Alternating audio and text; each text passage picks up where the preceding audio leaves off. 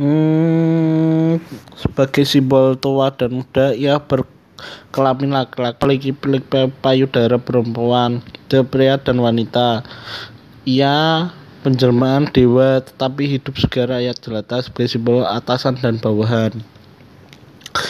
Menurut sejarawan Prof. Dr. Selamat Muljiana, tokoh Semar pertama kali ditemukan dalam karya sastra zaman Kerajaan Majapahit berjudul Sudamala.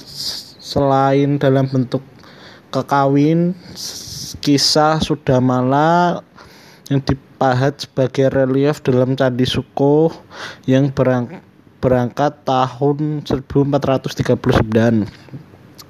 Semar dikisahkan sebagai abdi dalam hamba tokoh utama cerita tersebut, yaitu Sadewa dari keluarga Pandawa tentu saja peran Semar tidak hanya sebagai pengikut saja